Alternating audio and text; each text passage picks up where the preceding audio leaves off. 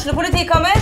Ine Jansen er purk. Er du purk? The motherfucking bitch. Alt jeg vil, er å finne ut hva som skjedde med mannen min. Jon Carew. Er jeg sikta for noe? Iben Akeli. Det er du. Ole So, Lars Berrum og Big Daddy Karsten. Hvem sin side er du på, egentlig? Anette Hoff, Tone Danielsen, Kommer du fra Afrika?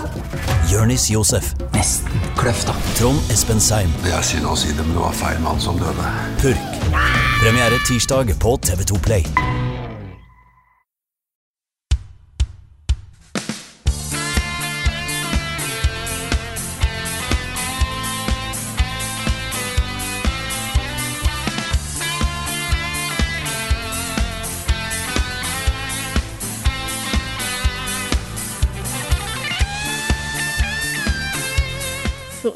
First Price til ekte vare. Jeg er tilbake igjen og klar for en ny episode av podkasten Level Backup med meg, Frida Danmo, og med meg i dag har jeg Karl Martin Hogsnes og Rune Fjell Olsen. Hallo, folkens. Hallo. Det er viktig å tro på seg selv, Frida. Det er kjempebra. Ja, ja, ja. En liten, en liten shade til eh, tidligere host Bjørn Magnus Midthaug der. Nei, nei, nei. Han kalte ja, ja. seg sjøl First Price, Ja, Frida, sant, og sa at han kunne Ja. fint kalles det. Så tenkte jeg at det var innafor å, å bare ta opp tråden, tråden der da, fra forrige uke. Så Ja, du får kontinuitet i ting, vet du. Så, så Bjørn er liksom industribrødet, og så er du Jeg er håndverker, brød, ting. Yes. mm, Ja. yes. Det er litt gourmet. morsomt nå. Vi spiller jo Dette er andre gangen vi spiller i denne podkasten. Det er Det er det. Så, um, eh, så um, eh, vi hadde jo liveshow på Eldorado i går, hvor vi hadde litt sånn tekniske problemer og sånt. Så um, da ble det en versjon av denne podkasten. Det kommer ikke til å være helt lik, selvfølgelig, for vi har jo ikke manus. Eh, men da for de som var i salen, så, så vil det jo bli litt sånn repeats. da Men så har det skjedd et par nye ting da siden sist. Det har det. Jeg tror vi kommer til å klare å liksom shake det opp nok til at ikke det blir den samme podcasten. det tror jeg. Vi kommer alltid på nye anekdoter og nye ting å henge oss fast i. Så da Ikke sant? Ja. Å, Ikke sant? Så fikk, og så fikk de en quiz som ikke kommer her, og det var litt uh, greier da på den podkasten. Maybe som, you eh, speak too soon. Åh. Nei, men Det er godt å være tilbake igjen. Det er alltid litt rart å ikke være med på podkasten. Eh, jeg var jo vekkreist forrige uke, jeg var i en begravelse. Så, eh, men jeg syns at Bjørn eh, gjorde en, en fabelaktig jobb, som han alltid gjør når han stepper inn som programleder hos oss. altså. Superreserve. Ukens hotteste. Ukens hotteste denne uka er noe som ble vist på Opening Night Live forrige uke, men det har kommet en splitter ny trailer til det. Hva er det vi skal snakke om i dag, Rune? Ja, dette var et spill som da særlig Carl var litt sånn gira på uh, under Opening Night Live. Mhm. Eh, et et, et eh, eh, eh, strategispill, hva er det det? Det er også taktisk, taktisk Ta RPG. taktisk Er det RPG. det? Eh, Ja. ja. I Basert på med liksom- I gatene Ja. som XCOM og eh, Final Fantasy Tactics og den type spill. Nettopp, nettopp. Det er da Marvels Midnight Suns, som ble vist fram med en sånn eh, cinematisk eh, trailer da, på Gamescom uh, Opening Night Live, og som da i uh, uh, natt til torsdag fikk den første gameplay-traileren og masse ny info. Og da jeg gikk gjennom både den traileren og leste om all den infoen, så var jeg sånn det her høres jo amazing ut, eh, og ser veldig bra ut. Eh, og dette er et spill laget av Firaxis, som jo ikke er ukjente. De står bak da XCOM-spillene, de nyere versjonene av de, pluss da Civilization, eh, og har liksom masse historikk eh, helt tilbake til Microprose-dagen og Sid Meyers eh, storhetstid og sånne ting. Og når de setter seg ned for å lage et taktisk RPG-spill basert på Marvel, med sin egen historie og alle disse tingene her, så kan det bli dødsbra, altså. Det kan det, altså. Den, jeg så jo den gameplay-traileren som kom nå i natt. Mm. Og det var jo veldig mange glimt av veldig mye forskjellig. Det var liksom, Du hadde noe dialogvalg. Du hadde det som så ut som tredjepersons exploration inni der. Mm. Eh, også et sånt, sånn kortbasert kampsystem. Ja. Så det var ikke det jeg så for meg at det kanskje var. Men eh, Nei. jeg er nysgjerrig. Altså Utgangspunktet her er jo basert da på en Marvel-serie som gikk på midten av 90-tallet, som da heter Midnight Suns. Um, hvor, uh, hvor Lilith, mother of all demons, har på en måte tatt over verden. Uh, og så har du her en sånn lomme, en safe haven, for disse uh, superheltene. Hvor, uh, hvor da The Caretaker gjen, gjenopptar da, det som kalles Midnight Suns. Og her har du da helter fra mange forskjellige deler av Marvel-universet. Du har Avengers-helter, du har X-Men, en litt mindre kjent gruppe som heter Runaways. Så har du jo Blade, er jo med. Blade er der. Blade er der. det er da tolv spillbare helter til lansering. og du lager din egen Marvel-helt, The Hunter. og The Hunter er da datteren til Lilith, og den eneste som noen gang har beseiret Lilith. Så eh, du får muligheten til å velge hvordan du ser ut og, og abilities og sånne ting. Litt sånn, så, uh, så, du er basically Alucard i Castlevania? Ja, ikke sant. Uh, og så blir hun da sjefen for den gruppa her. Uh, og det du gjør, er at du får da tilgang til stadig nye soner som Lilith kontrollerer, og så skal du ta det tilbake. og da velger du tre helter før kamp, med hver sine kort da, med abilities. Det er der disse kortene kommer inn. Det som du så av Exploration som du snakka om, Carl, det er fra huben som eh, vokser da, eh, underveis. Du låser opp nye fløyer og nye uh, muligheter og ting du kan gjøre der. Aha. Det er også der du har dialog, da, og så snakke med de forskjellige heltene og utvikle relasjonene til de. Så det er en del elementer som jeg syns passer veldig godt sammen. da.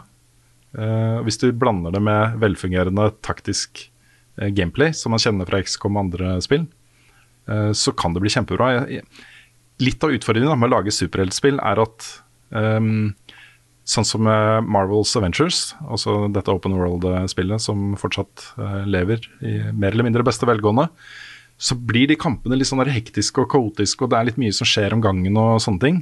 Her får du liksom fokusert på hver enkelt hero da, i turbasert, uh, turbaserte fighter. Og det så ganske spektakulært ut, syns jeg. Jeg syns det så innmari kult ut når disse forskjellige heltene brukte sine krefter da, i sin turn. ikke sant? Mm. Så dette har, uh, gikk jo da fra å være et sånt hm, et nytt Marvel-spill, kanskje, kanskje ikke, til å bli et spill som man kan sette en del strekker under. Og Lanseringsdato her er uh, mars 2022. Rett rundt hjørnet, uh, altså? Ja, det er ikke så lenge til. Så til og med et spill som jeg kunne tenkt meg å spille. Jeg er ikke noe sånn megaglad i turbaserte uh, spill i det hele tatt, egentlig. Men Jeg syns det her så kult ut, altså. Det gjorde det.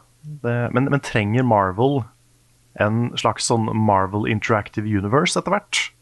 Fordi det begynner å bli ganske mange versjoner av Captain America og Wolverine og alle de her. Mm. Burde de hatt liksom en litt sånn forent visjon på det? Eller går ikke det an i spill?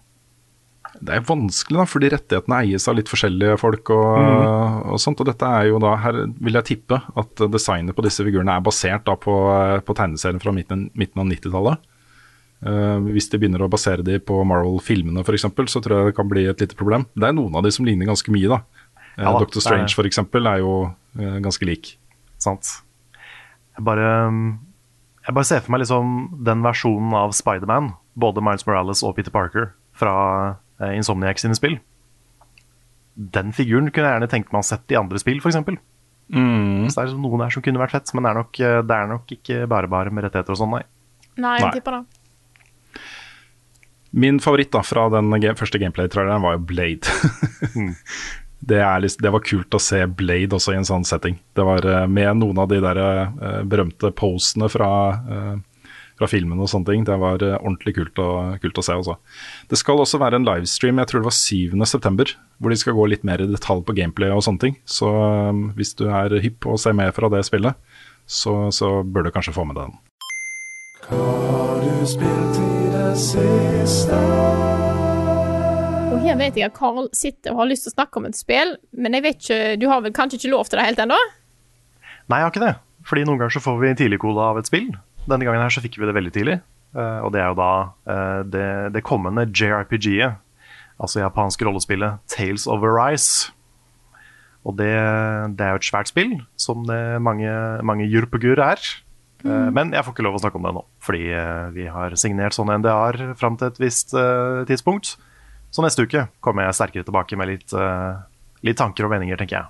Mm, men er det spennende? Jeg ser for meg liksom et spill som kun handler om et riskorn. Er ja, et, en, mm. en, ris, ja. Ja. ja. ja.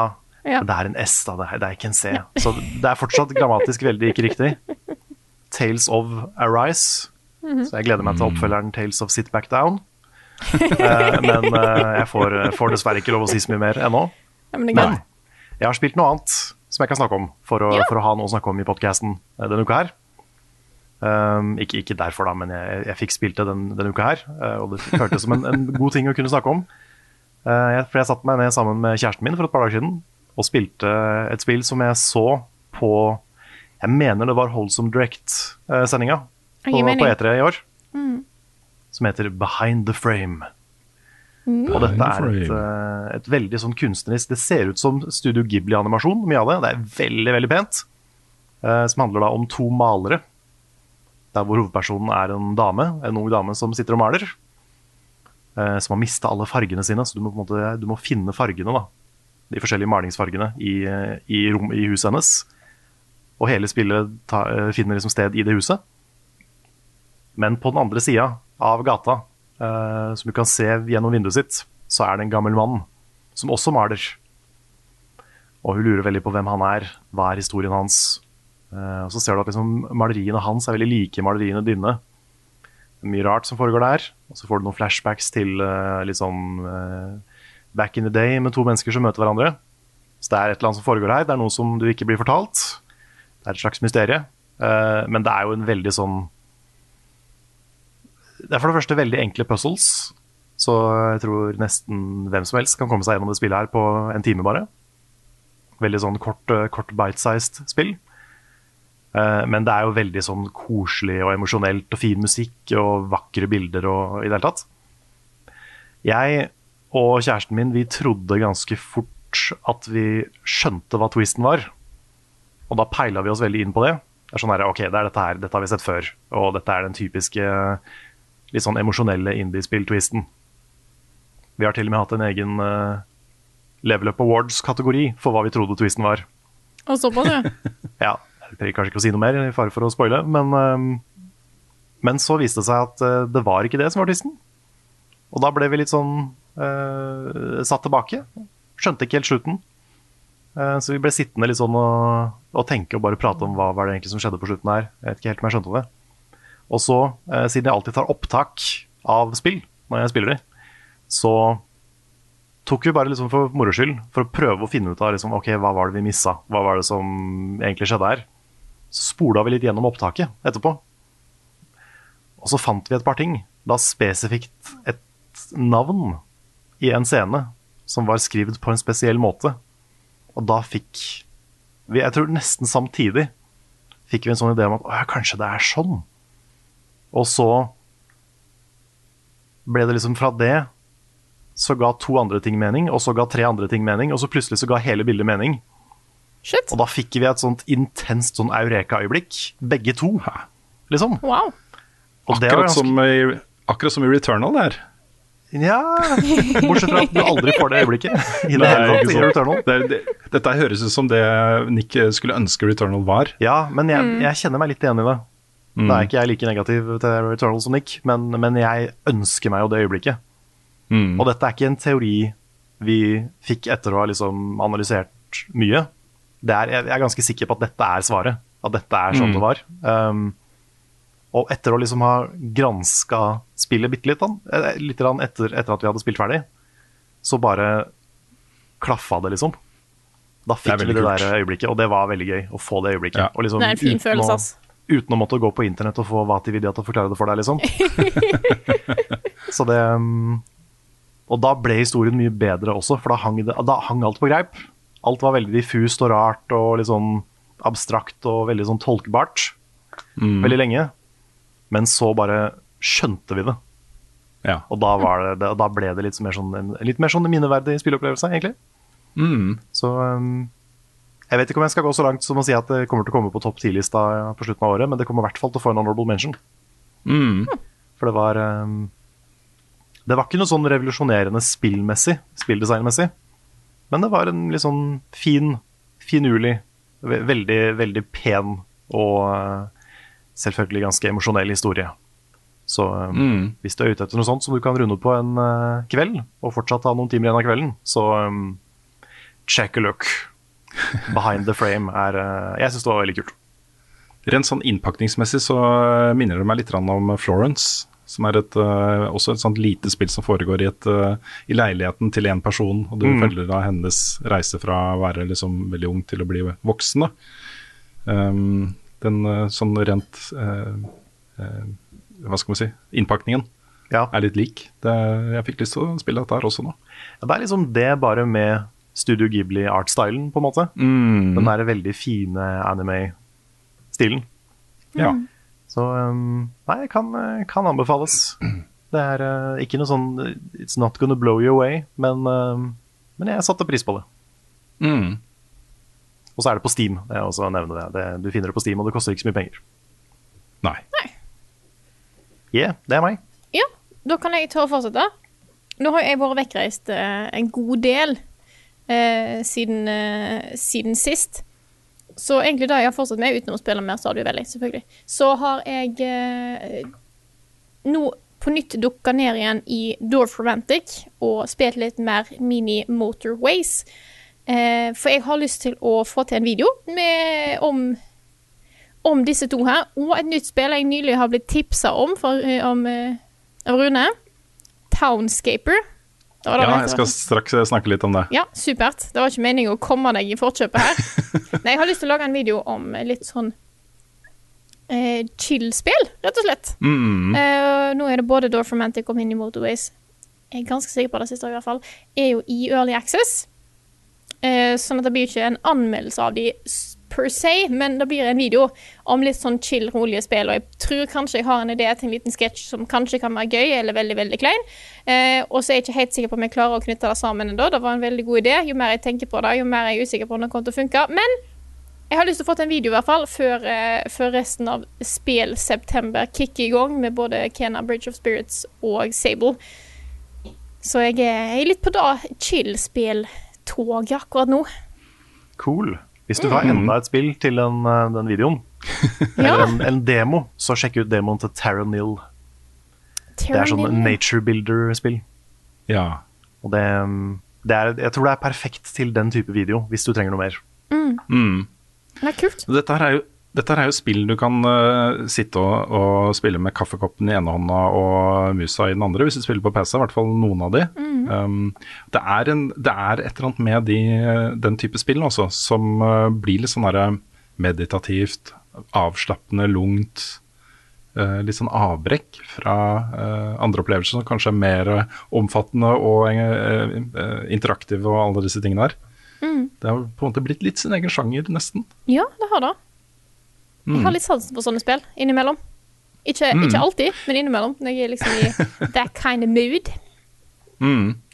Nei, men Townscaper var jo det nye som kom inn på lista di der. Mm. jeg snakka om det på Eldorado i går også. Dette er jo et spill som har også vært i Early Access en stund, men som nå er da ute i eh, eh, full, ferdig versjon. Og Jeg har fulgt dette spillet lenge. Eh, jeg følger også Oskar Stålberg, som er utvikleren her, eh, på Twitter. Og det er en sånn derre Dette handler jo bare om du kommer inn i en stor, åpen verden. Det er ingenting der, bortsett fra noen få hus. Og så velger du bare hvor på den tilen du skal utvide uh, byen, da. Og så bygger den automatisk en bygning og fortsetter en bygning og utvider og legger på nye etasjer med balkonger, og det er måker som letter fra takene og Ikke sant? Ja, det er det spillet, ja. Nå, nå kobla jeg det. Mm. Ja. Det ser dritchill ut. Ja, det er kjempechill. Og der sitter du bokstavelig talt bare med musa og klikker rundt omkring, liksom. Uh, og så er da spørsmålet skal du liksom bare se hvor uh, klikkinga tar deg, og hva som kommer ut av det, eller skal du begynne å planlegge liksom en, uh, en layout på byen din og sånne ting. Og du kan jo lagre byer, og du kan lagre bygninger, og du kan lage ta lagre tiles og sånne ting, og så begynne å planlegge litt mer da, etter hvert som du kommer mer og mer inn i det. Men grunnkonseptet handler egentlig bare om å se en verden komme til liv. da. Og så syns jeg det er morsomt. Hver gang det er snakk om et, et uh, uh, koselig, uh, bra indiespill, så er det sånn Martin Kvale igjen også. Martin Kvale har lydbilde i dette spillet også, som han har hatt i gud bedre også så mange spill. Han har også lydbilde i Sable, som kommer senere i høst. um, uh, også, det er så mange spill da, som Martin har lagd lydbilde til. Og han har også fått med seg uh, norske Oda Tilseth uh, på musikk. Eh, jeg tror de også har samarbeida litt om lydbildet, men det er i hvert fall eh, Martin og Oda da, på lyd, og så er det svensken Oskar Stålberg på eh, eh, grafikk og eh, programmering og alle de andre tingene. Det her er en sånn derre rendyrka chill, da, hele denne opplevelsen. Eh, ordentlig behagelig å spille. Så det er ute nå på Steam. Koster 35 kroner, liksom. 35 kroner og 40 øre, eller hva det var. det er ganske, ganske ekstremt. og Det er, eh, da får du mye chill for pengene, altså. Mhm.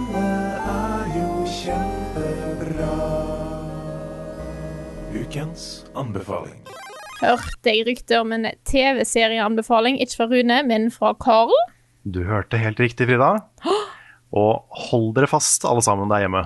Mhm. Fordi i dag skal jeg anbefale en TV-serie om fotball. Har du blitt sprø? Grunnen til at jeg sier det på den måten, er at jeg har aldri i mitt liv sett en hel fotballkamp. Jeg har aldri vært interessert i sport. Jeg har vært, jeg har vært så lite interessert i sport at jeg ikke engang er så interessert i e-sport. Jeg er liksom så lite interessert i sport har jeg alltid hele livet mitt vært. Men dette er en serie som det handler om en fotballtrener, en amerikansk fotballtrener, som flytter til England for å bli britisk fotballtrener. Og det han er møter da, er jo en Det er ikke helt det samme, det to litt Nei. forskjellige sporter. Eh, og han møter jo da en veldig et, et veldig negativt og toxic England, på en måte. Som, hvor du da har veldig veldig sinte fotballsupportere som ikke kan fordra den amerikaneren som kommer her og skal, skal trene dem sport, liksom. Det er eh, hørt rykter om at det er få ting briter er mer stolte over enn fotballen sin. Så du skal ikke kødde med den. Eh, men det handler da om han, eh, Ted Lasso, hovedpersonen, som da er den, denne treneren, som møter en haug med mennesker som ikke har så mye til overs for den til å begynne med, men som han da prøver å vinne over. Og han er tidenes mest sympatiske menneske, på en måte. Du blir litt glad i han, eller du blir veldig glad i han. Um, og det er egentlig mer enn en serie om fotball, så er det en serie om optimisme. Og en serie om liksom å være ålreit. Og den er veldig sånn feel good. Ikke bare. Den har, eh, den har en del litt sånne litt sånne triste, melankolske ting i seg også. Men det er noe av det mest sånn oppløftende jeg har sett på veldig lenge. Og er det noe man trenger i eh, 2021, så er det noe fuckings oppløftende, ass. Så eh, varmt anbefalt den serien. Uansett hvor interessert du er i sport og sånne ting. Det, det handler egentlig ikke om sport. Sport er liksom settingen, men historien er noe veldig annet. Så eh, sterk anbefaling fra meg der. Vi fant vel ut at det var Apple Pluss du kunne se den på. Stemmer det. Jeg er usikker på om jeg nevnte tittelen, men det er Ted Lasso, sant? Ted Lasso er eh, navnet på serien. Her kommer nyheter med Rune Fjell-Olsen, og han har ikke hår. Akkurat som i nyhetsmagasinet Spilluka tidligere i uka, skal vi reise til Kina i podkasten også. Det har kommet nye lover der som begrenser eh, unges spilletid ytterligere. Og Tidligere var det sånn at alle under 18 kun fikk lov til å spille 1 12 time på hverdager. Tre timer på helgedagene og i ferier og høytider. Nå kan de bare spille én time på fredag, én time på lørdag og én time på søndag. Um, pluss da eh, ferier og helligdager, én time der også. Dette er da alle barn under 18, og det gjelder vel hovedsakelig online-spill. Altså Det blir sagt at det er spill. Jeg kan, kan ikke helt se for meg at de klarer å håndheve offline-spill. Eh, men det er jo da særlig online, disse store online-spillene som eh, da eh, kinesiske myndigheter ønsker å begrense. Og Dette er, blir jo da beskrevet i, av da kinesiske myndigheter som et forsøk på å stanse liksom korrumperingen av landets unge mennesker. Eh, og er et ledd da, i en ganske stor prosess nå, som jeg ser blir sammenligna litt med kulturrevolusjonen til Mao. eh, hvor det tar, tas store grep i samfunnet da, for å prøve å endre kursen. Eh, og Det som også blir gjort nå, da, det er jo en, en sånn rensking av kjendiser f.eks. fra de godkjente mediene i Kina. Det er bl.a. En, en veldig veldig kjent filmstjerne i Kina som nå også Alle hennes sosiale mediekontoer er borte. Det skrives ikke om henne i avisene lenger. Det er ikke noe informasjon der, og ingen har hørt noe fra henne på kjempelenge nå.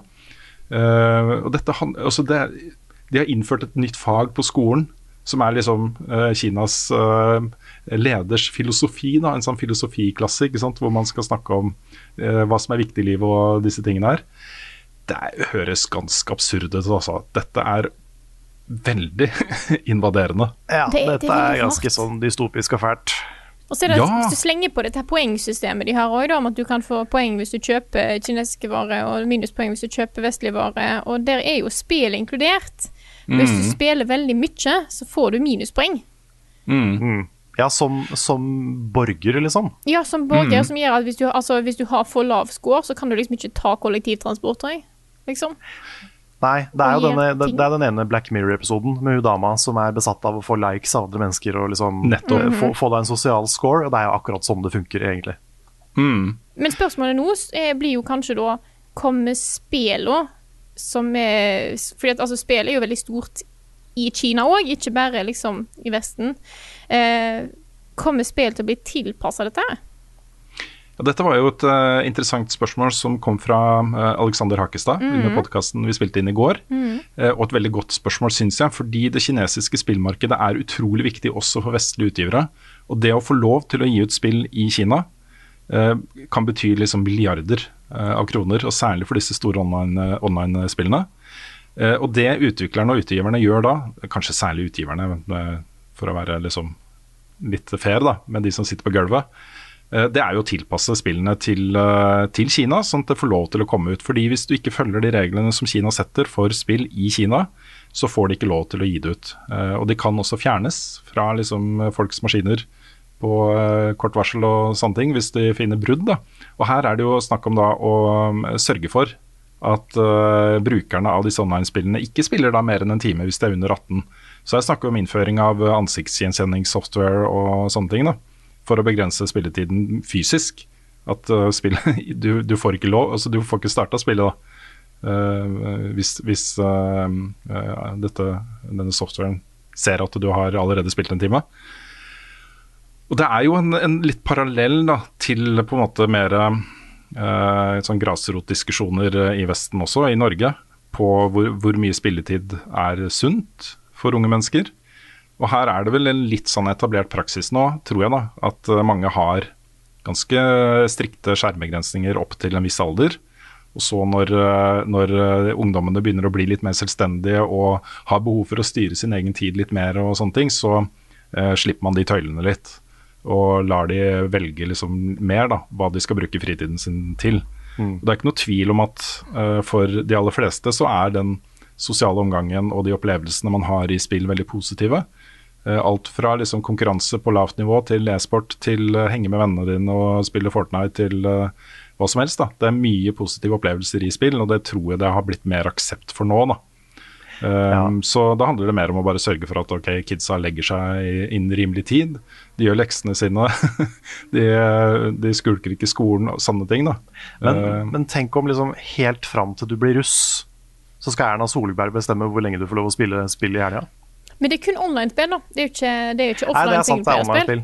Ja. Mm. Ja, men det, det- jeg- jeg- Kanskje det, Hva om det også gjelder uh, offline-spill? Og At de gjør sånne stikkprøver inn i hjemmene til folk og sjekker liksom eh, spilletid på de forskjellige spillene og sånne ting. Ja, jeg vet ikke, ass.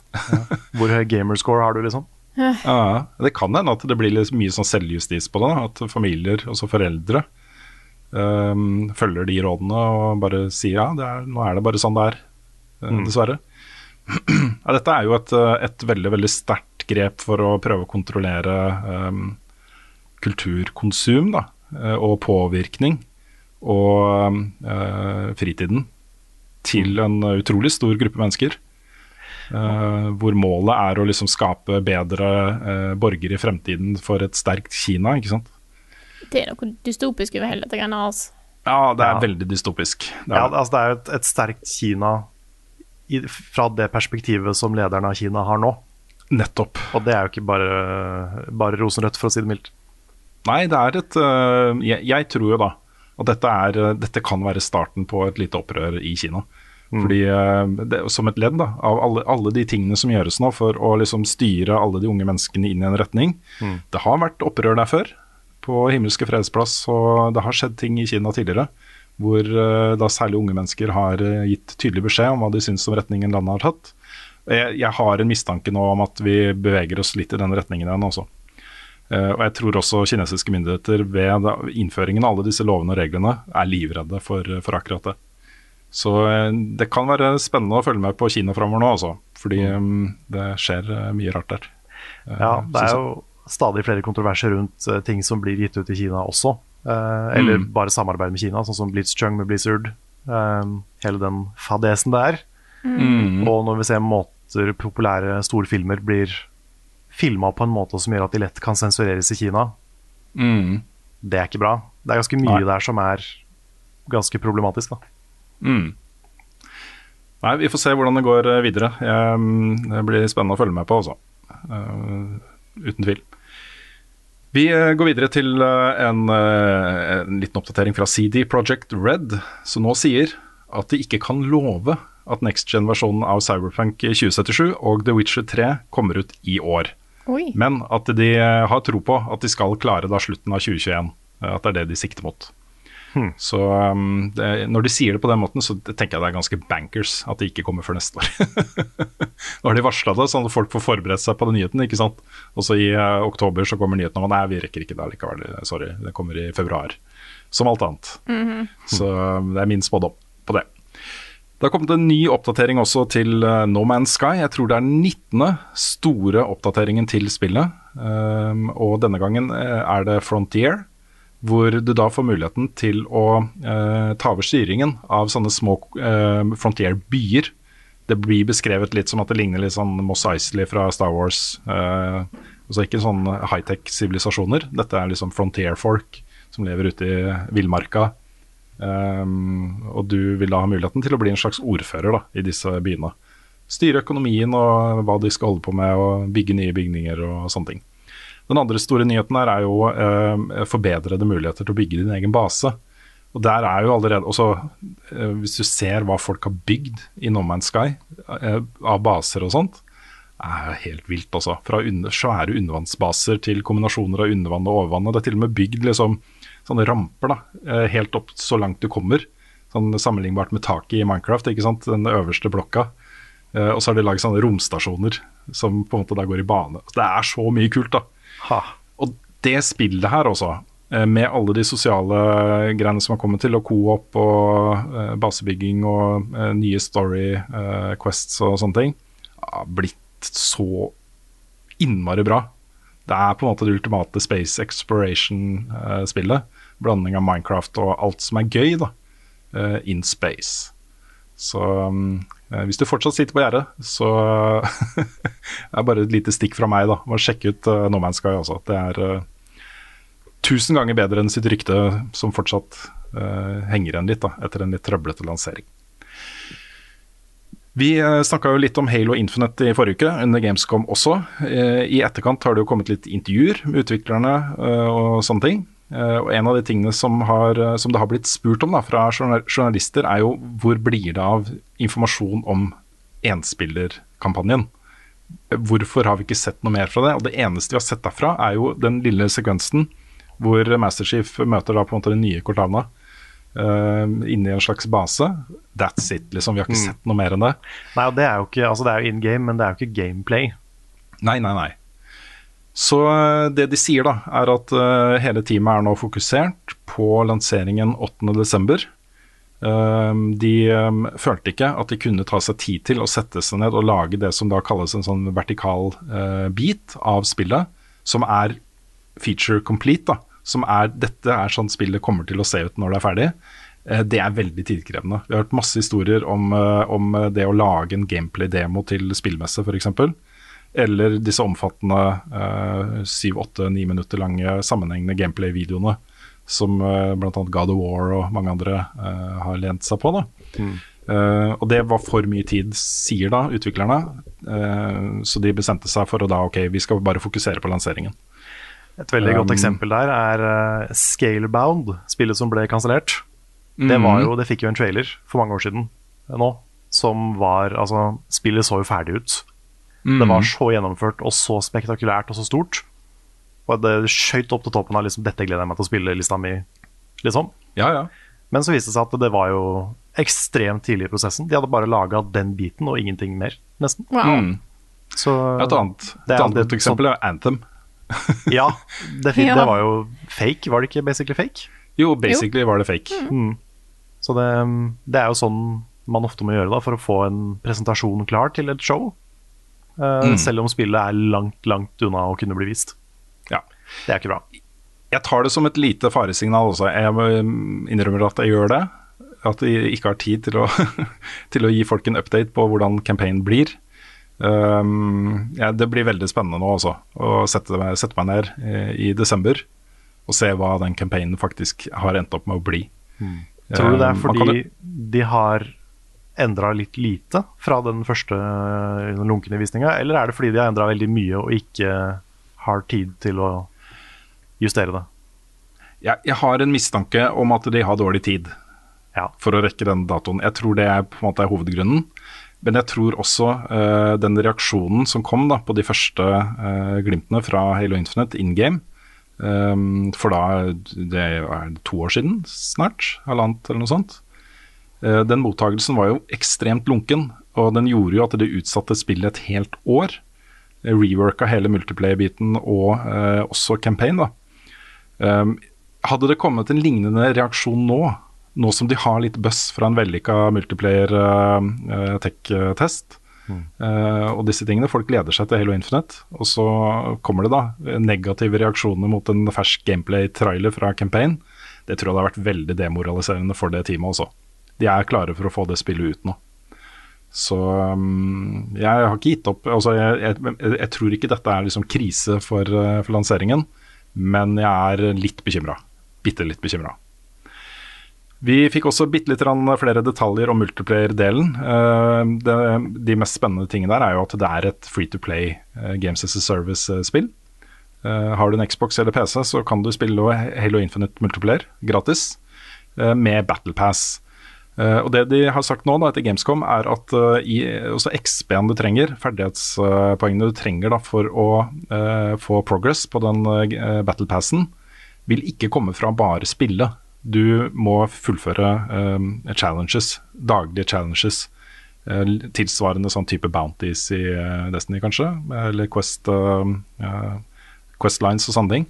Um, så da åpnes jo muligheten for litt sånn der level boost og level skips og uh, sånne ting. da. Uh, mange frykter det, at uh, det kan bety det. At du skal kunne kjøpe deg til progresjon da, i Battle Passet. Eh, så den biten blir spennende å se på når det lanseres. Det positive her er jo at eh, Battle Passen ikke forsvinner.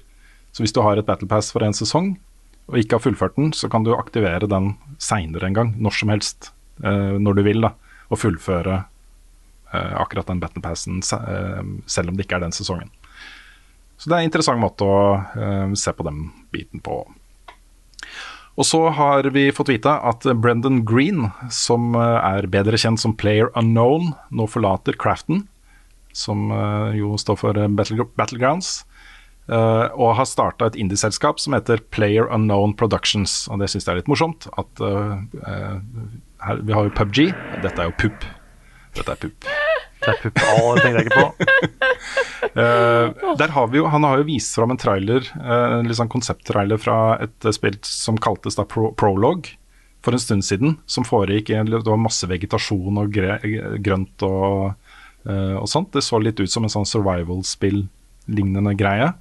Um, og han sier jo at målet med selskapet her, det er jo å eh, på en måte videreutvikle litt den der eh, store åpen verden survival uh, exploration-tingen. Så um, vi får se. Crafton har også en, en liten aksjeandel i dette nye selskapet, så det er ikke noe bad blood der, føler jeg. Det virker som det er et, noe de har blitt enige om. Han har jo ikke jobba med uh, Battlegrounds de siste to årene heller, så um, det, dette går nok bra for uh, PubG, tenker jeg. Uh, og så kom det en nyhetssak uh, på uh, morgenkvisten som eh, jeg følte det var naturlig å ha med her. Eh, Imposter Factory To The Moon 3 har fått lanseringsdato, det er 30. sept september på Steam. Og det er litt morsomt, i da den pressemeldingen som fulgte med her, så beskrives da dette spillet som en, og nå tar jeg det på engelsk, for det er mye morsommere, som en bonkers time loop tragicomic murder mystery thriller with multiple casualties and a suspicious cat. Men i Oi, alle oi, dager. oi. Det høres ut som humoren til Kangao, han som har laga Ja. To the Moon. De to første spillene hans var jo Eller de de to første To the Moon-spillene var jo kjempebra. Mm. Så um, det her høres ut som noe litt annet. Men eh, jeg er spent. Quick, quick, quick, quick, quick, quiz. Og quiz er her, den kommer nå. Alle blir med, ja, store og små. Nå slo jo Carl til med en quiz på Eldorado i går. Men du har en quiz i dag òg? Jeg har det. Vi, altså. vi snakka jo om i podkasten i går på, på Eldorado at eh, det fins veldig veldig mange Tales of-spill. Og det var det quizen gikk ut på. Eh, Jeg hadde laga en liste over Tales of et eller annet spill. Skulle dere gjette om det var et, et, et ekte spill eller et spill jeg hadde funnet på. Mm. Det fins så mange Tales of-spill at jeg har lagd enda en quiz. Så nå kommer det et nytt sett med da Tales of eh, something something. Eh, og dere skal gjette om dette er et ekte spill eller et spill jeg har funnet på. oi, oi. Ja, uh, og eh, det er jo da ingen av de samme som dere hørte i går. Ok. Men jeg har gjort det enda vanskeligere, for jeg har gått enda dypere ned i spin-offs og sånne ting. Oi, OK. Så eh, vi hadde jo I går så hadde vi jo f.eks. spill som uh, Tales of Card Evolve, ja. som er et ekte spill. ja. Ellers så er det mye sånn uh, Tales of uh, Fantasia og Graces og Legendia og sånne ting som de er kjent for å hete. da. Ja, Sonic and Tales. Sonic and Tales, ikke minst. Men ja, skal vi begynne? Kjør på. Ok, Da må dere notere deres egne poeng også. Jeg har Ja. Da begynner vi med Tales of Destiny 2. Nei! Ekte eller fake? Dette har du er sikkert fake. med fordi at den finnes. Og så er det Ja, gøy. jeg, altså, jeg mistenker det, men jeg, jeg, jeg, jeg, jeg satser på at det er en double fake, så jeg sier den er fake. Nei, jeg ser den ekte. Ok, Frida sier ekte. Det er poeng til Frida, for den er ekte. Nei. Tales of Destiny 1 og 2 fins. What the hell? Vi går videre til Tales of Setsuna Star Eclipse. Den er fake. Den er fake. Dere sier fake? Ja. Ja, den er fake. Tales of Hearts. Art? Hearts. Hearts. Hjerter. Den er fake. Den er ekte. Enda et poeng til Frida. Den er ekte. Uhu. Jeg tror til og med det fins flere Tales of Hearts. Oi. Jeg tror det fins et Tales of Hearts R. Det er mye sånne bokstaver bak av og til. Ja. Um, jeg husker ikke om jeg nevnte det. Dette er da en, en veldig kjent japansk spillserie som har veldig veldig mange JRPGs og sånne ting. Så det er det, det hvis noen lurte på hva Tales of-spillet er for noe. Eh, vi går videre. Tales of the World, kolon, Radiant Mythology. Nei, den er fake. Ja, den er fake. Den er ekte. Nei! Kom igjen, da! Hva er det for en gjeng? Nei, det er mye spennende. Tales of Mornstar. Ja, den er fake. Ja, det jeg tror også den er fake. Ja, den er fake. Mornstar er en ting i, i Nino Kuni. Tales of Eternia Online. Den er ekte. Ja, jeg tror den er ekte. Ja, poeng til begge. Den er ekte. Tales of Versus. Ja, den er fake. Å, den, jeg ser ekte på den, jeg. Frida er on fire, altså. Den er ekte. Ja, det er helt Fy vilt. Fader. Veldig bra. Tales of Revenant Ark 2. Den er fake. Ja, da ser jeg Jeg tror han er ekte. Da ble det poeng til Rune. Den er fake. Åh, yes. Tales of the Earth, Broken Oath. Ja, den er fake. Da sier jeg ekte, da, for nå må jeg prøve å ta igjen Frida litt. Ok, Nei, det var poeng til Frida. Den er fake. Ah, pokker, altså. Tales of Cold Steel. Fake. Ja, Du fake. sier fake? Ja. Jeg prøvde å lure dere, for det er, det er, en serie som heter, det er et spill som heter Trails of Cold Steel. Ah, Men ikke Tales. Tales of True Strike. Den er ekte. hei, den er fake. Poeng til Frida igjen. Den er fake. Kom igjen, da! Tales of Heroes, Twin Brave. Ja, den, Den er fake. Nei, den tror jeg kan være ekte. Fy fader, Frida, du er god, ass. Herregud. Ja, Hvor mange poeng har du nå, egentlig? Det her er jo helt vilt. Ja, dette er eh, overkjøring. Ja. Ah, det, det er dobbelt så mange poeng som meg, ass. Shit. Tales of Fandom. Fake. Tan tandem, liksom. Fandom. Fandom. er den du fake. Den er ekte. Nei! Oh, Det er spill som heter. Tales of Fandom. Jeg vet ikke hvorfor. Men de fins. Det er flere av de, til og med. Um, skal vi se Tales of Pocket. Radiant Wing. Nei. Det er å si motsatt av Frida. At den er ekte. Ja. Tales of Pocket er fake. Gi. Tales of the Sky. Soul Remnant. Det er veldig mye Tales of bli bli, kolon bli Ja, det er veldig mange kolonspill. Ja.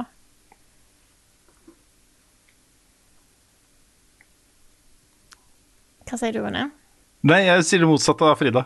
Nei, du, kan, nei du, må, du må ta stilling til noe her, Rune. Ja, okay, den er ekte. ikke. Den er ekte. Den er ekte. Ja. Nei, jeg sier den er fake, jeg. Og da ble det enda et poeng til Frida. Ikke sant? Den er fake. Nå er vi snart ferdig, men eh, vi har noen få til. Mhm. Tales of Mobile Scramble Land. Da kan du si først, da, Frida. Ja, den er ekte. Den er fake. Den er ekte. jeg tror aldri jeg har eh, opplevd så Det var veldig jevnt i går, Ja, det var det. men i dag er det ikke jevnt. Nei. Tales of Desire. Den er eh, ekte. Nei, vet du hva, den er fake. For jeg tror han er ekte. Du tror den er ekte? Tales of Desire? Ja. Da ble det et lite, eh, lite redemption-poeng til Rune. Nice. Tales of Desire er fake. Og den aller siste Tales of Groovy Collection. Tales of ekte. Groovy Collection. Tales of Groovy. Collection, Rune sier ekte. Ja, du, den er så tett at den må være ekte. Den er fake. Er Dessverre. Det fins ikke noe Tales of Groovy Collection, men det var et eller annet som hadde groovy i tittelen sin, så jeg bare Ah. brukte det som en sånn Yes. Men Yes. Da går vi bare videre til neste spalte, da. Ja, hvem var det som vant? Nei, det er ikke så viktig. Nei. Her er 13 poeng. Wow. Respektabelt, Frida. Veldig bra. Jeg tror det er det beste jeg har gjort i en quiz noen gang. Ja, det er det beste noen har gjort i en quiz noen gang. Ja. beste noen har gjort i en Tales, uh, Tales of-quiz, kanskje. Definitivt. Hva er dines best, hvor var fredag sist? Har Carl egentlig sopp? Ukens spørsmål. Vi setter i gang med et spørsmål som vi har funnet fram her. Eh, Det er fra Alexander Aanvik, og han skriver Hvis dere vant to millioner kroner i Lotto eller på cryptocurrency, hva skulle dere brukt pengene på? Og Vi diskuterte dette litt på forhånd, og fant ut at svaret på alle oss tre er hus eller leilighet. Så vi Ja. tenkte vi skal legge inn en lite, eh, liten ekstra ting her. Det kan ikke være noe fornuftig, Nei. eller det kan ikke være leilighet, rett og slett. Altså, sånn luksusgreier, så sløse, sløse litt. Yes. Okay, sånn, vi, skal, vi skal sløse to millioner. La oss, Ja. la oss si at dere får to millioner i dag. I dag får dere to Mm. millioner. De forsvinner ved midnatt. Eh, og dere kan ikke kjøpe leilighet. Nei. Nei, Nei. Så må man bare shoppe mest mulig, da. Yes. Mm. Ja, Det er åh. Det er et stort spørsmål. Jeg hadde, Du, ha, nei, go first. jeg hadde bytta ut det meste jeg har i huset av, av, møbler, med litt mer fancy designmøbler. Mm. Fancy designmøbler er et godt svar, altså. Ja, for- er- hvem tar seg råd til det, liksom? Med mindre sant. du er rik. Ja, det er akkurat det. Så jeg, for jeg, har et, jeg har et spisebord som jeg kjøpte billig. Det var vel enten Jysk eller Ikea. Det begynner å flasse litt. Det ser helt OK ut. Jeg vil ha noe Dette har jeg snakka om seriøst òg. Jeg har lyst på et ordentlig spisebord. Kanskje Ja. med et, et helt tre. Det er liksom jeg vil ha det. Det er dritdyrt. Så jeg skal, jeg skal ha ordentlig spisebord. Kjøpe noen stressløse stoler og noe greier. Mm. Hmm. Ikke noe som er sånn ridiculously dyrt. Jeg trenger ikke kjøpe en stol som koster 103 000. Men liksom Ja, Hvis du har to millioner, så kan du det, da. Ja, men da føler jeg Jeg, jeg, jeg, vil, jeg vil på en måte Fordi at jeg føler de mange ting har sånn at det øker kvalitet eh, med pris til et visst punkt. Mm. Så på Ja, en måte det er, bare- det er nok sant. Ja. Mm. Så akkurat i den kurva der, tenker jeg. På toppen der. Mm. Mm. Og bil. Og kjøpt Ja. meg en, en, en elbil. Jeg hadde kjøpt Mm. meg et nytt tørkestativ, for det jeg bruker nå, det, det er satt sammen av gaffateip. Hva gjør da? Det har knekt for lenge siden, og jeg har bare ikke somla meg til å kjøpe et nytt, men, eh, men det er ikke så dyrt. Det blir langt også, hvis du starter eller hvis du skal tørkestativ. Ja, det er koster ikke så mye. Jobbe seg oppover, liksom, til to Jobbe millioner. Nei, altså, jeg hadde jo kjøpt en uh, monster-PC, selvfølgelig. Ja. Um, det er jeg, altså jeg, hadde, jeg hadde jo liksom kjøpt møbler, jeg hadde kjøpt de åpenbare tinga. Bytta Mm. ut liksom mye av det jeg bruker til sånn daglig. Men jeg vet ikke om det er noe sånn spesifikt annet enn å komme seg inn på boligmarkedet som jeg føler at jeg trenger akkurat nå. Nei, men uh, Jeg hadde trenger kjøpt så jæklig med, med, med, med altså, fine designklær. mm, Det hadde jeg Ja. gjort. Og kjøleskap med sånn isbitmaskin. Ja. Det er Det er fett. Mm. Det har vi hjemme på sol. Det er ganske snarsent. Nice. Mm. Luksus, vet du.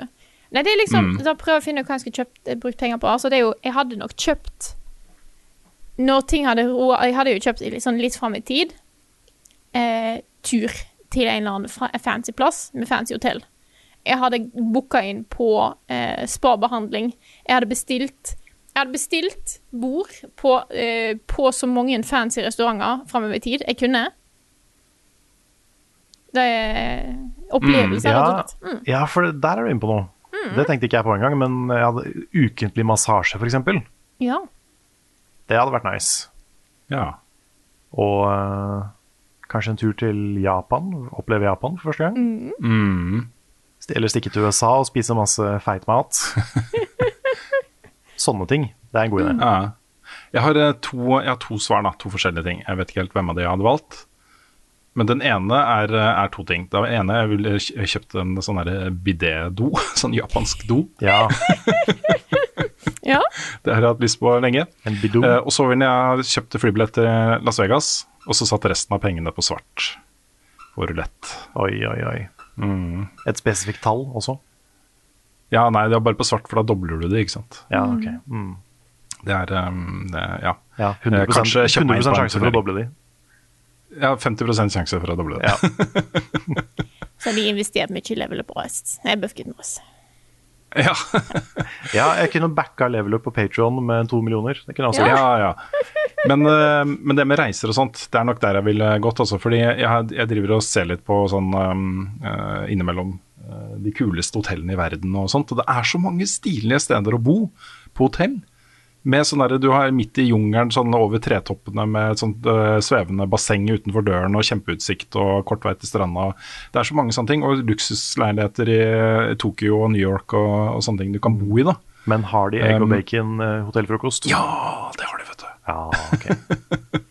Så jeg ville tatt en sånn der, eh, rundreise på det. Vært borte liksom kanskje i to måneder på de aller feteste hotellene i verden. Eh, det tror jeg hadde vært en opplevelse for livet også. Mm. Hvis jeg kunne brukt det på det. Det hadde jo, det hadde jo gått i leilighet, da. Det hadde jo det. Ja, altså, svaret er jo bolig. Ja, ja, ja, ja. Fått ned boliglånet litt. Grann. Mm. Faktisk kommet inn på markedet i det hele tatt. Ja. Mm. Det har vært fint. Nei, men nå skal vi ta og fortsette? Har dere et Ja. eh, spørsmål til? Jeg kan ta et eh, kjapt et her, jeg. Ja. Mm. Det er fra Sander Sheepslayerstein. Nintendo Direct Rumors driver og går rundt. Hva tenker folk? Jeg har gitt opp å prøve å forutse Nintendo. Ja. Det går Jeg føler eh, det, er- det er rykte om Nintendo Direct konstant. Ja, så på et et tidspunkt så er det alltid noen som får rett. Mm, Men det er alltid nye. Hele tida. det er sant. Mm. Det er helt sant. Men det, de må jo snart begynne å vise ting fra sånn der, sånn der, sånn der, sånn nye celler. Og da må jo snart komme. De sa jo at vi skulle få mer info om det soon. Gjorde det ikke det? Mm. Jeg gjorde det? det? Ja. Det er jeg veldig sikker på. At jeg har i hvert fall Ja, fått for for, meg i mitt hode at de sa at de skulle snakke mer om pausen. jeg husker at de sa det, men jeg trodde det var det de viste på E3. Å ja, det kan være. Bajonetta 3, da? Ja, for eksempel. Mm. Ja, så det, jeg føler de har masse ting de kan snakke om. Det kan jo fortsatt komme noe Metroid uh, Direct også. Mm, mm. Det er sant. Men det er alltid fortsatt, rykte. en, Det- eh, fortsatt en Smash Character som ikke er avslørt. Men Den nye eh, Metroid Dread-traileren også, den snakka vi om i spilluka også. Det. Det ser så lekkert ut. Altså. Det Mhm. ser så bra ut. Det ser helt riktig ut. Det ser ut akkurat sånn som det bør se ut. Jeg blir så gira av det, altså. Det blir, eh, det blir eh, stas. Yes, Uh, Skal jeg ta et spørsmål? Ja, gjerne. Et her fra Christian Larsen som er litt langt, men som er litt sånn tegn i tiden-type spørsmål.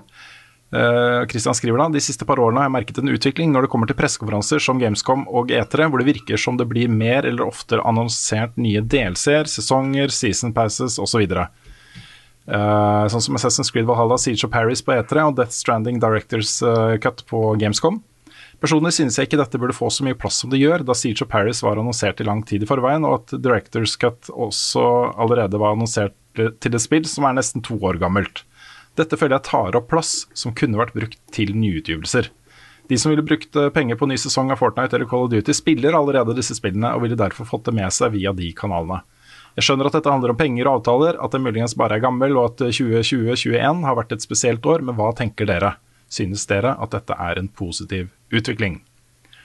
Og eh, han har jo helt rett, det er jo sånn det har blitt litt. Mm. Men det er jo også dels basert på, sånn som han antyder, eh, koronagreier. Det er så mye som er utsatt. og eh, at plutselig så har de ikke så mye å vise fram, fordi det ligger plutselig kanskje et år lenger fram i tid enn de trodde og sånne ting. Eh, men det er også det her med at, at folk, flere og flere, da, samles rundt Games as a Service-spill. Mer sånn hobbyspill hvor det kommer oppdateringer. Det er kanskje det eneste spillet de spiller. Uh, Iblanda liksom et spill her og der, da. Mm. Uh, og da er det også naturlig at de får mer plass på de pressekonferansene, tenker jeg, da. Av Oppdateringer til allerede eksisterende uh, spill som folk uh, spiller det jevnlig. Det er sant. Og så har jeg tenkt litt på etterpå også, at det er jo egentlig ofte at Gamescom Opening Night Live ikke har de største tinga. Mm. At de store tinga kommer på E3. Eh, ofte så har eh, enten Sony eller Nintendo eller Xbox eh, noe på høsten, Mm. eller nærmere jul. Game Awards er sånn 50-50. Noen ganger så er det dritmye kult, andre ganger så er det ingenting. Ja. Andre ganger så er det liksom Fast and the Furious-spillet. Um, Mm. Men ellers så er det på en måte ofte E3 vi får se de store tinga. Mm. Ja, det er jo nok det at vi har ikke hatt så mange fysiske pressekonferanser de siste par årene. Eh, Det har nok kanskje litt med saken å gjøre også, um, vil jeg tro. Men nå er det jo sånn at eh, man kan jo fort få inntrykk av at, eh, at det er sånn spillmediet spillmedie er. Eh, Det som har skjedd er jo at eh, det der mellomsjiktet som vi snakka for et par episoder siden, eh, og de mindre indiespillene får jo plutselig mer plass da, og rom til å skinne, liksom, og oppmerksomhet når de lanseres og sånne ting.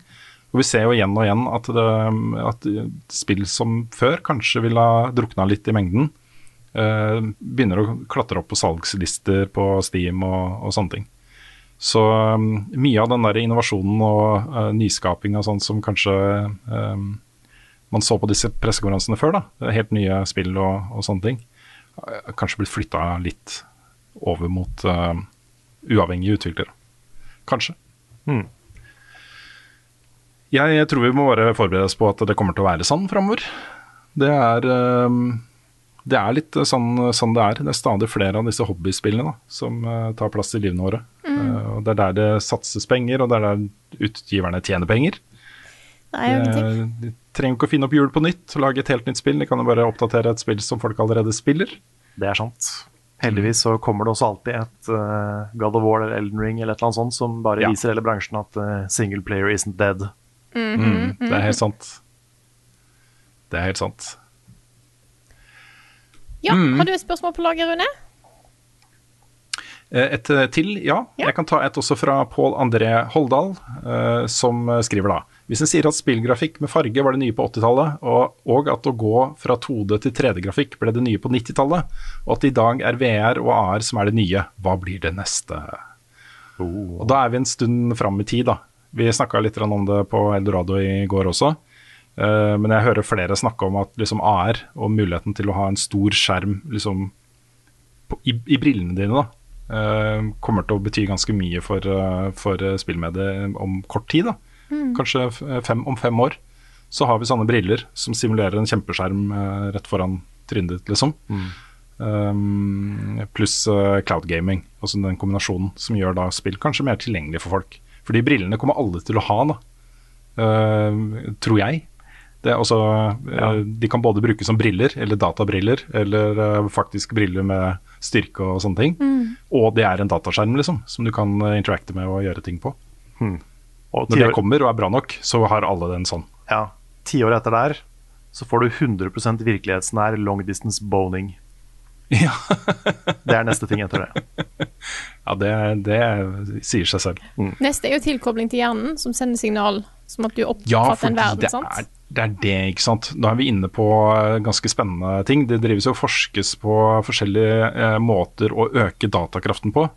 Eh, og nå er det jo avhengig av mikroprosessorer og eh, teknologi som ikke har endra seg stort da, siden eh, vi begynte å få dat datamaskiner i hjemmene våre og sånne ting.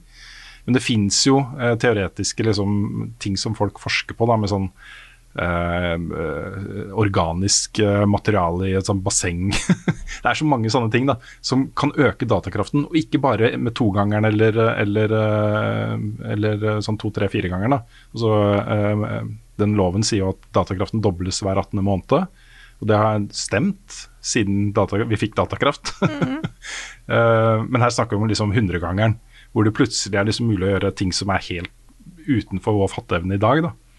Det kommer til å skje. da. På et eller annet punkt så kommer jo det til å skje. At eh, det gjøres et breakthrough som gjør at vi kan gå bort fra den arkitekturen vi har i dag, og gå over til en arkitektur som eh, muliggjør liksom mye, mye tyngre AI og eh, verdenbygging og den type ting.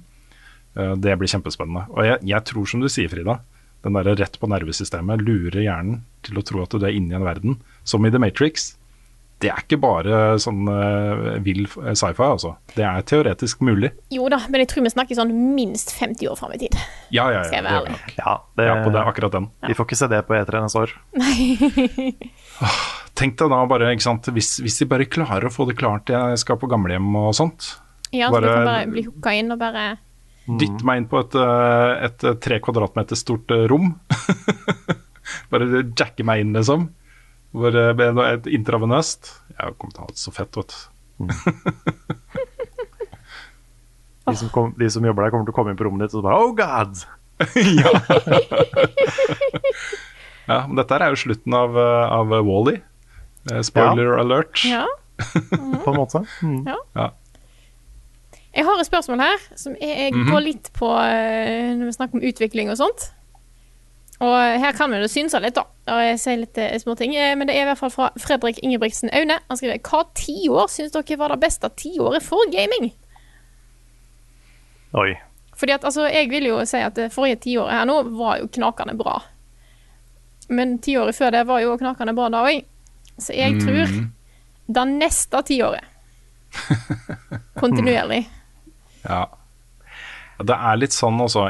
Det går en sånn stor diskusjon eh, blant musikkjennere om at eh, det ikke er blitt lagd noe bra musikk etter hva var det 19, det, er, det er sånn cutoff-år. Jeg husker ikke helt om det er, det er sånn slutten av 80-tallet eller noe sånt, tror jeg. såpass, ja.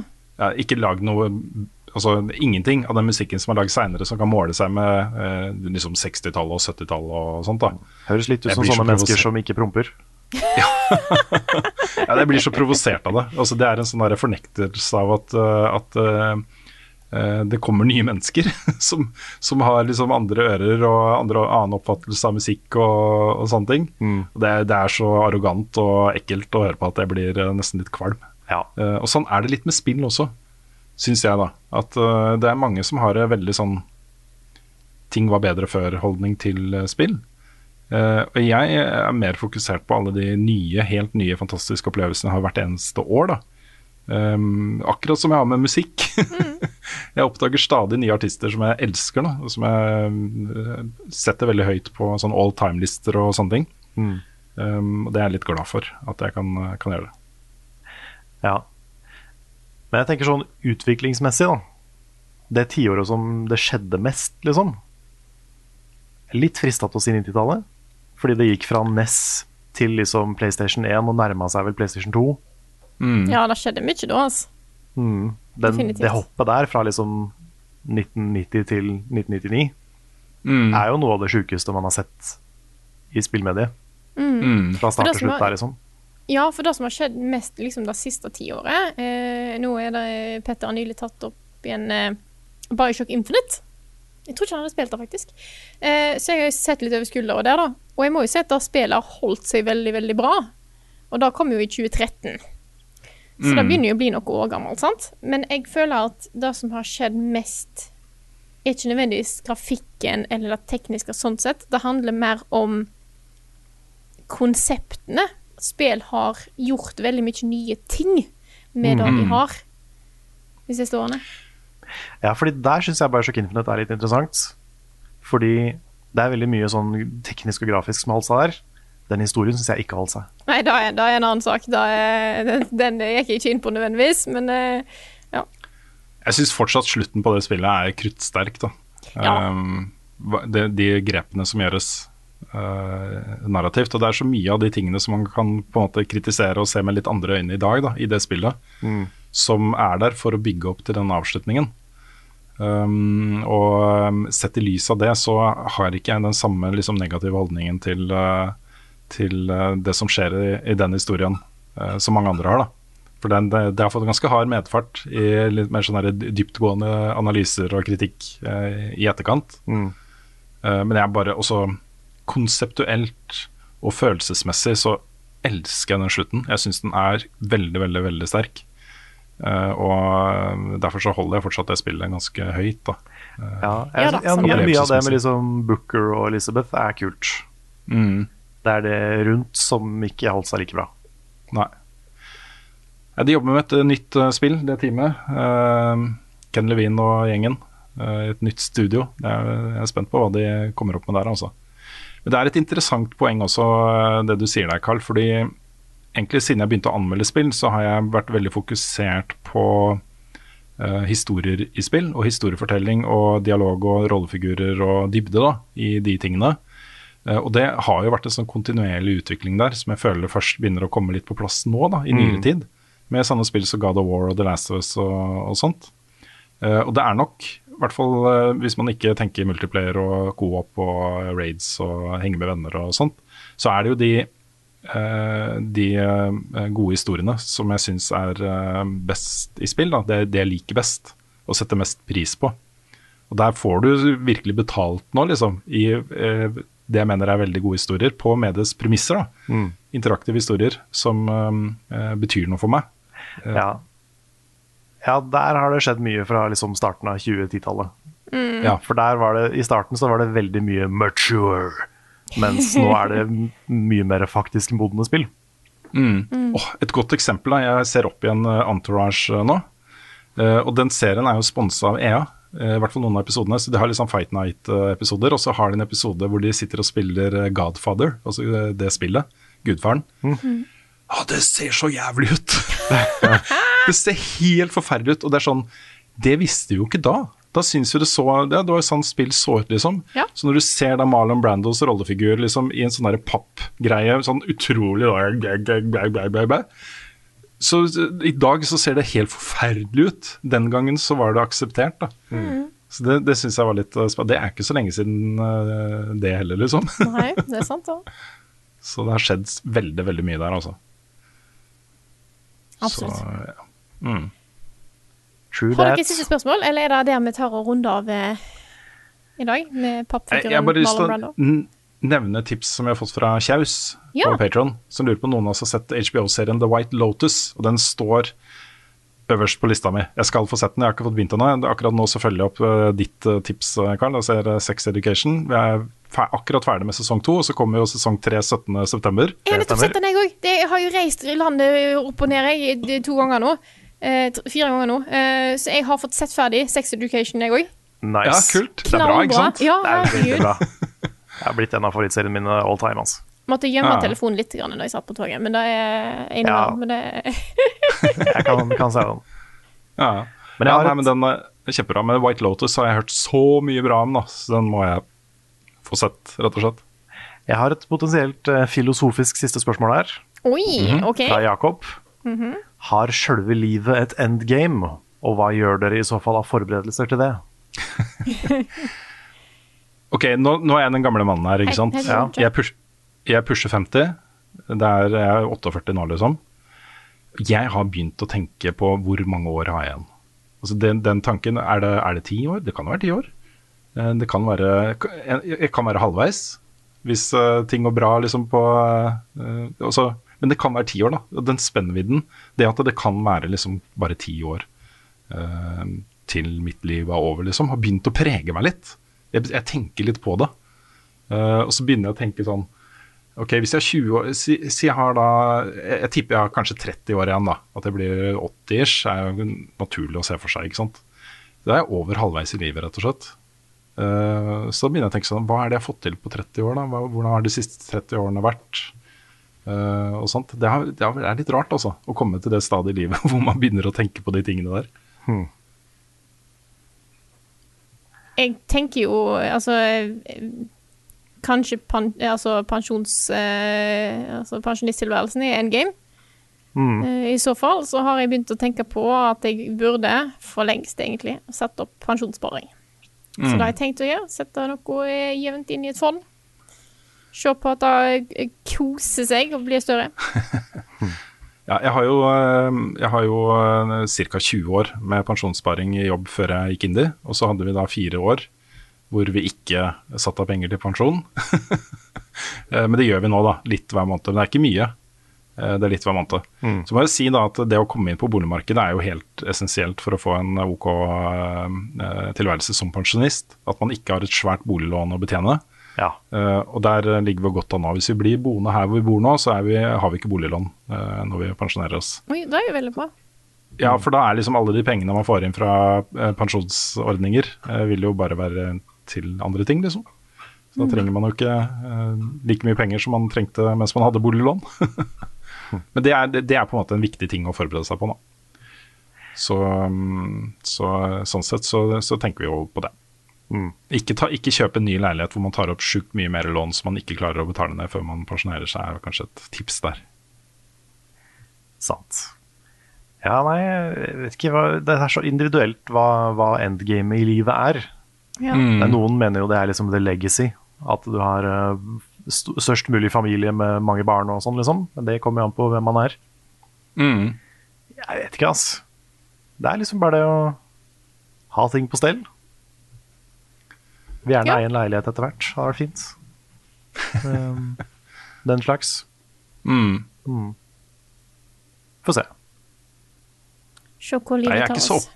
ja, jeg, er ikke så, jeg er ikke så opptatt av, eh, av den type ting, Karl. Carl. Altså for meg så er det jo de nære tingene. At jeg vil jo gjerne at ungene mine skal ha en bra fremtid. Mm. Eh, jeg, det er jo litt derfor jeg er veldig opptatt av miljøvern og klima og sånne ting. Um, men sånn for min egen del, liksom, så, så er livet er kort, liksom. Vi er, her, vi er her veldig kort. Det er ikke så mye som betyr noe um, uh, i lengden, da. Og 100 år er allting glemt, type ting. Så um, det handler jo mye om å liksom bare OK, ikke forlate verden som et dårligere sted enn eh, Altså ikke påvirke verden i neg negativ retning, da. Mm. Være hyggelig mot folk og um, i, i, Don't be a dick, liksom. Mm. Det er viktig for meg, altså. Ja. Jeg så veldig for meg sånn da jeg var en del yngre. Den der litt sånn typiske kjernefamilien. At det hadde vært liksom gøy å komme dit med å gifte seg og få barn. Liksom full, full familiepakke. Eh, Kanskje litt push, til og med. Oh. Litt, litt mer åpen nå for at liksom livet kan gå i mange retninger. Jeg vet ikke om jeg nødvendigvis trenger å gifte meg. Jeg vet Det er mye sånne ting som jeg har vært litt fram og tilbake på. Da. Der er det en ting som, eh, som plager meg litt, fordi det er jo så mye snakk om, eh, om eh, den statistikken om at halvparten av alle menn over 40 eh, ikke har fast forhold eller barn. Og at veldig mange liksom, fedre da, blir fedre til to forskjellige kull og, og, og sånne ting. I den statistikken så kommer det jo ikke fram da, at jeg, jeg tror ganske mange av den halvdelen av mennene har valgt det litt. da. Altså, det er ikke noe eh, en, ting, en ting som er litt bra med dagens samfunn, er jo at man, man er ikke avhengig av den der kjernefamilietankegangen for å liksom kunne ha et fullverdig liv. Det er flere og flere som innser det. da. Ja, det er At jo- eh, det fins andre ting i livet som kan gi glede, liksom. Det er jo mye, mm, mye jobbing mot det der stigmaet av å velge å ikke få barn eh, også. Mm. Eh, det er mange, mange damer som har slitt med at de blir dømt for det. Eh, Mhm. For at de ikke velger å få barn. Det er jo bare tullete. Ja, det er bare tull. Trenger ikke å være sånn. Så eh, det er eh, bra å konfrontere litt sånne ting. Det fins mange, Mm. mange måter å leve et bra liv på. Mm. Så må jeg si at jeg, jeg er jo en sånn type yrke som gjør at jeg nok kan jobbe godt over pensjonsalder hvis, uh, hvis jeg har lyst. Eh, det er jo mange liksom, programledere og journalister og sånn som holder på til de dauer, nesten. Um, men jeg ser litt fram til en pensjonisttilværelse, altså. Jeg gjør det.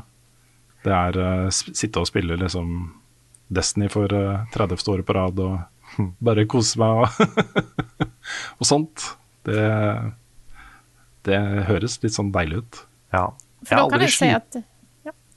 Fortsett. Uh, nei, jeg, jeg har aldri slitt med å liksom underholde meg sjøl når jeg har fri. Nei, ikke jeg heller.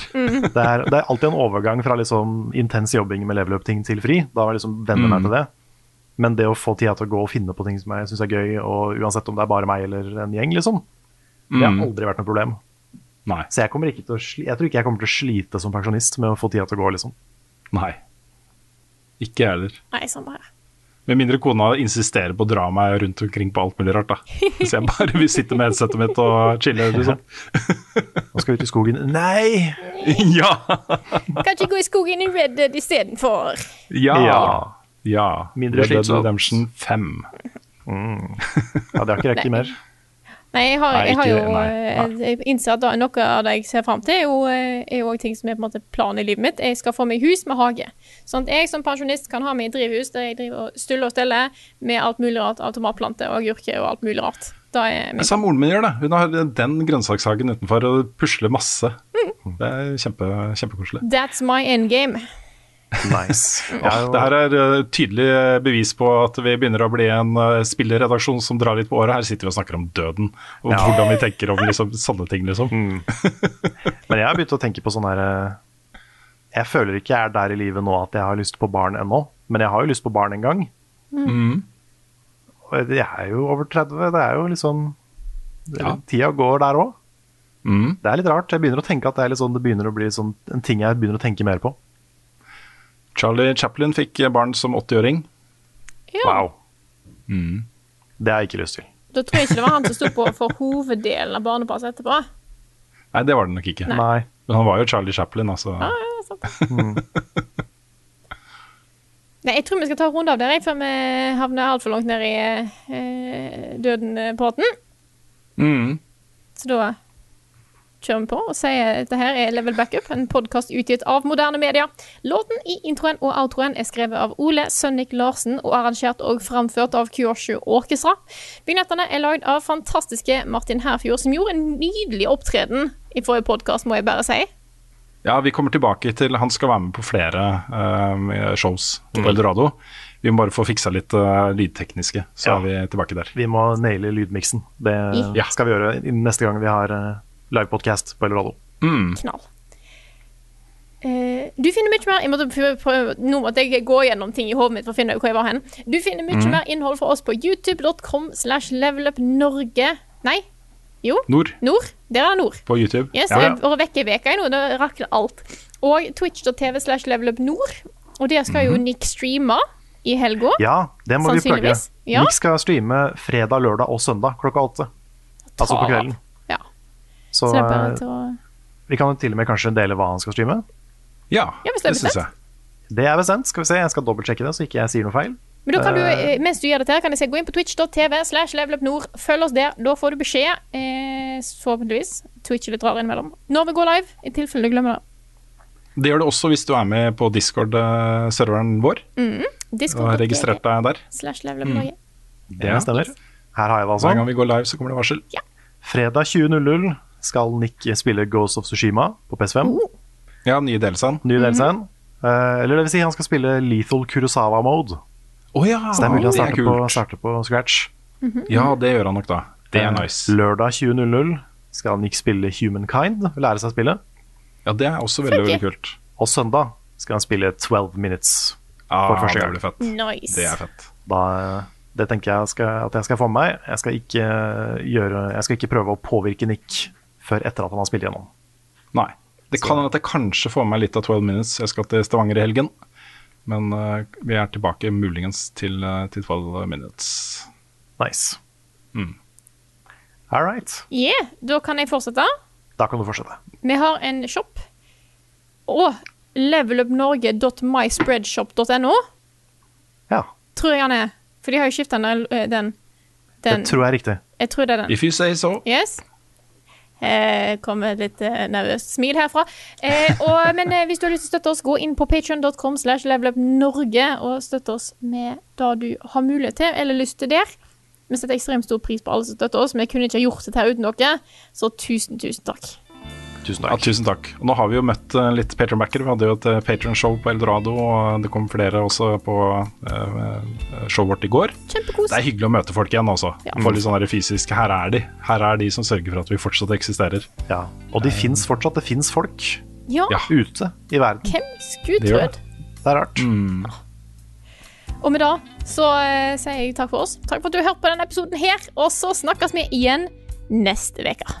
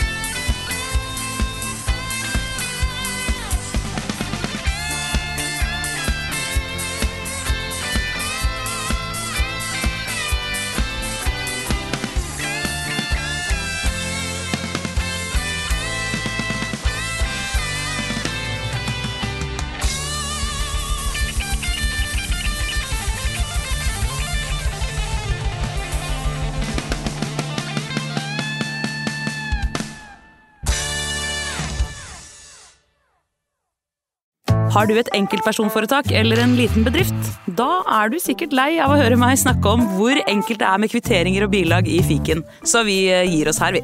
Fordi vi liker enkelt. Fiken superenkelt regnskap.